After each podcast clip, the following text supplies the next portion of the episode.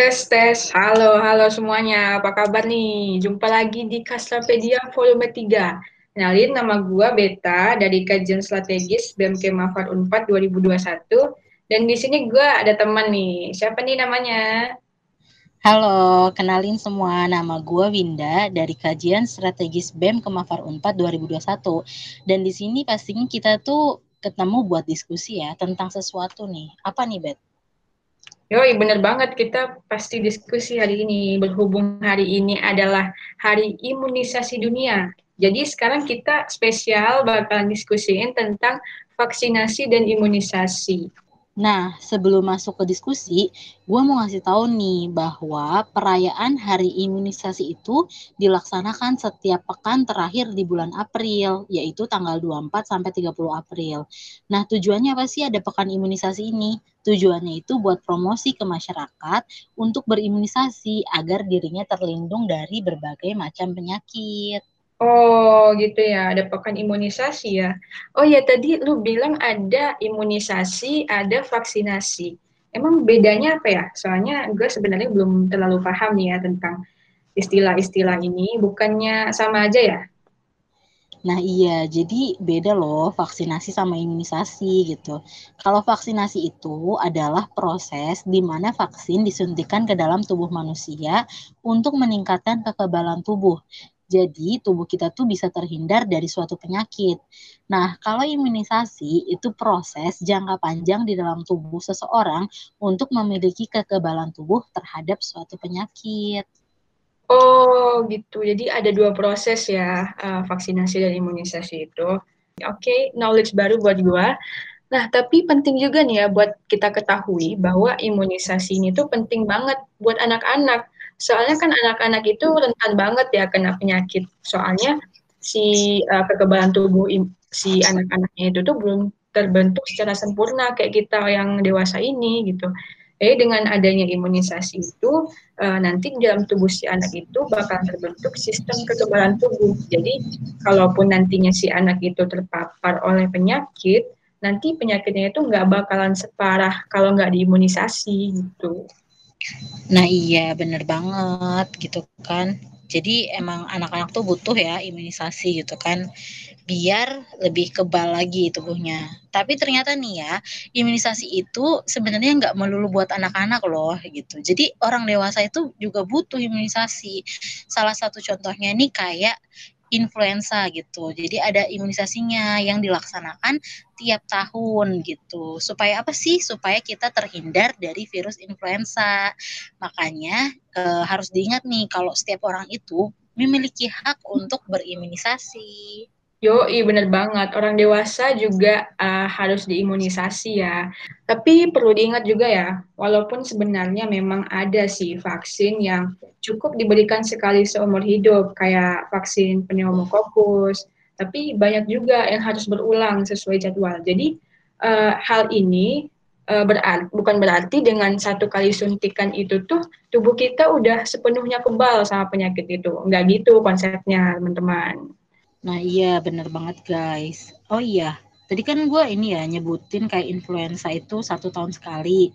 Nah terus ada sebenarnya uh, contoh-contoh lain kayak vaksin tifoid itu uh, diulang tiga tahun sekali gitu. Terus juga ada vaksin tetanus, difteri, dan pertusis yang uh, pemberiannya itu pas kita masih bayi gitu ya di uh, usia satu bulan, tiga bulan, dan tujuh bulan.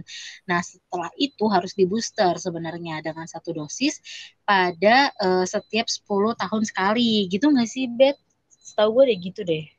Seingat gue gitu tapi mantep banget ya lo uh, tahu jadwal-jadwal ya. Gue nggak hafal tapi uh, gini deh kita nggak usah jauh-jauh uh, dengan vaksin-vaksin yang lain gitu. Kan kita sekarang uh, lagi hype banget ya vaksin COVID-19 gitu. Pasti teman-teman Kasapedia udah bosen banget gak sih dengar berita vaksin COVID-19 ini?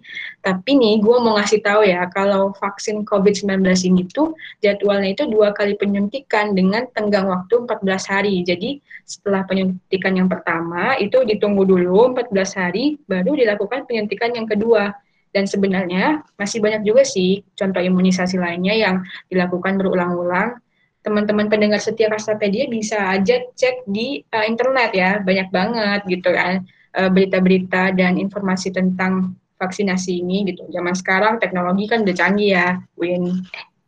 Benar, benar banget gitu. Jadi emang perlu banget dicek di internet selain teknologinya udah canggih dan emang sekarang lagi zamannya lah ya kita tuh ngomonginnya vaksin, covid gitu-gitu.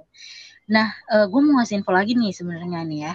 Jadi kalau imunisasi itu harus uh, kalau misalnya harusnya dilakukan berulang, tapi kita cuma ngelakuin satu kali atau bahkan kita tuh nggak ngikutin jadwal, nanti jadinya pembentukan imun dalam tubuh kita itu nggak efektif gitu loh gitu karena ya vaksin itu kan obat ya semua obat itu kan udah diatur dosis dan jadwalnya biar bisa efektif kerja dalam tubuh kita. Hmm oke okay, oke. Okay. Oh iya nih ya, gue mau ngasih tahu nih buat teman-teman Kasapedia yang punya orang tua atau adik atau diri sendiri yang divaksinasi, kalau kita nggak patuh sama jadwal imunisasi, ntar kita juga yang bakalan rasain dampaknya. Jadi kita tuh bakalan mudah tertular penyakit tersebut lagi gitu. Makanya kita harus selalu ingat dan ikutin jadwal imunisasinya. Kalau tips dari gue sih uh, dibuat reminder aja ya buat yang lupa gitu atau yang sibuk. Apalagi buat orang tua orang tua nih ya untuk anaknya harus dibuat reminder nih supaya nggak lupa sama jadwal imunisasi anaknya gitu. Nah, iya benar banget ya. Jadi uh, haruslah dibuat reminder itu karena penting banget tuh imunisasi. Dan tapi ini ya Bet ya, ternyata banyak juga loh orang yang emang tuh nggak mau diimunisasi gitu. Aduh, ini sayang banget sih karena alasannya adalah apa? Karena alasannya itu takut sama efek sampingnya gitu kan. Dia tuh kayak khawatir kalau malah nanti berakibat fatal. Yang gue tahu sih ya, ada yang bilang nih bahwa kalau katanya imunisasi MMR yang buat penyakit rubella itu uh, memiliki efek samping dapat menyebabkan autisme. Dan yang gue baca di berita sini ya, uh, kontroversinya itu muncul dari hasil studi Dr. Andrew tahun 98 tapi pas diteliti lebih lanjut ternyata nggak ada kaitan antara vaksin MMR sama autisme. Dan ya sedihnya malah dokter Andrewnya yang sekarang dipecat sebagai dokter di Inggris. Gitu, Bet. Waduh, gue baru dengar juga sih ya masalah kontroversi dokter Andrew ini, tapi ya gimana ya, kasihan juga sih. Uh, tapi gue mau ngasih tahu nih ya, uh, tadi kan lu bilang ada hoax tentang vaksin rubella yang bikin autis. Nah, gue mau ngasih tahu nih bahwa gue tuh pernah baca berita di internet ta, uh, kalau tahun 2018 itu tuh pernah ada seorang ibu yang terkena penyakit rubella ketika dia tuh sedang mengandung dengan usia kehamilan 12 minggu. Nah, itu tuh malah berdampak ke anaknya loh, yang ternyata diketahui mengidap tuli berat ketika uh, dilahirkan. Jadi, anaknya itu tuh cuma bisa ketawa, nangis. Di usia yang harusnya itu dia udah bisa ngomong. Kasian banget sih. Nah ya, gue juga agak melo sih kalau denger berita kayak gini nih, emang kasihan banget ya. Dampaknya itu ya itu ke generasi selanjutnya gitu. Yang padahal sebenarnya dia nggak salah apa-apa. Ya, tapi sebenarnya emang wajar sih kalau ada efek samping gitu ya setelah vaksin imunisasi gitu. Kayak efek sampingnya tuh bisa kayak demam ringan, kemerahan di area suntik, ya namanya juga habis disuntik ya gitu. Atau juga bisa uh, ada efek samping seperti reaksi alergi. Tapi umumnya kondisi-kondisi itu bisa reda kok gitu seiring berjalannya waktu dan sebentar biasanya.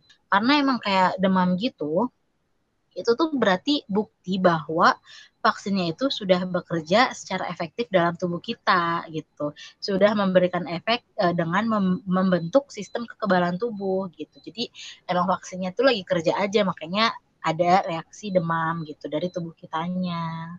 Oke, nah jadi guys, teman-teman semua pendengar Kasapedia, sebenarnya stigma-stigma tentang imunisasi ini bikin autis, imunisasi bikin kita kena penyakit, karena efek sampingnya sebenarnya itu tuh harus dilurusin ya guys biar orang-orang tuh nggak salah sangka dan paham tentang fakta-fakta imunisasi yang ternyata sangat penting untuk kesehatan dan kekebalan tubuh gitu.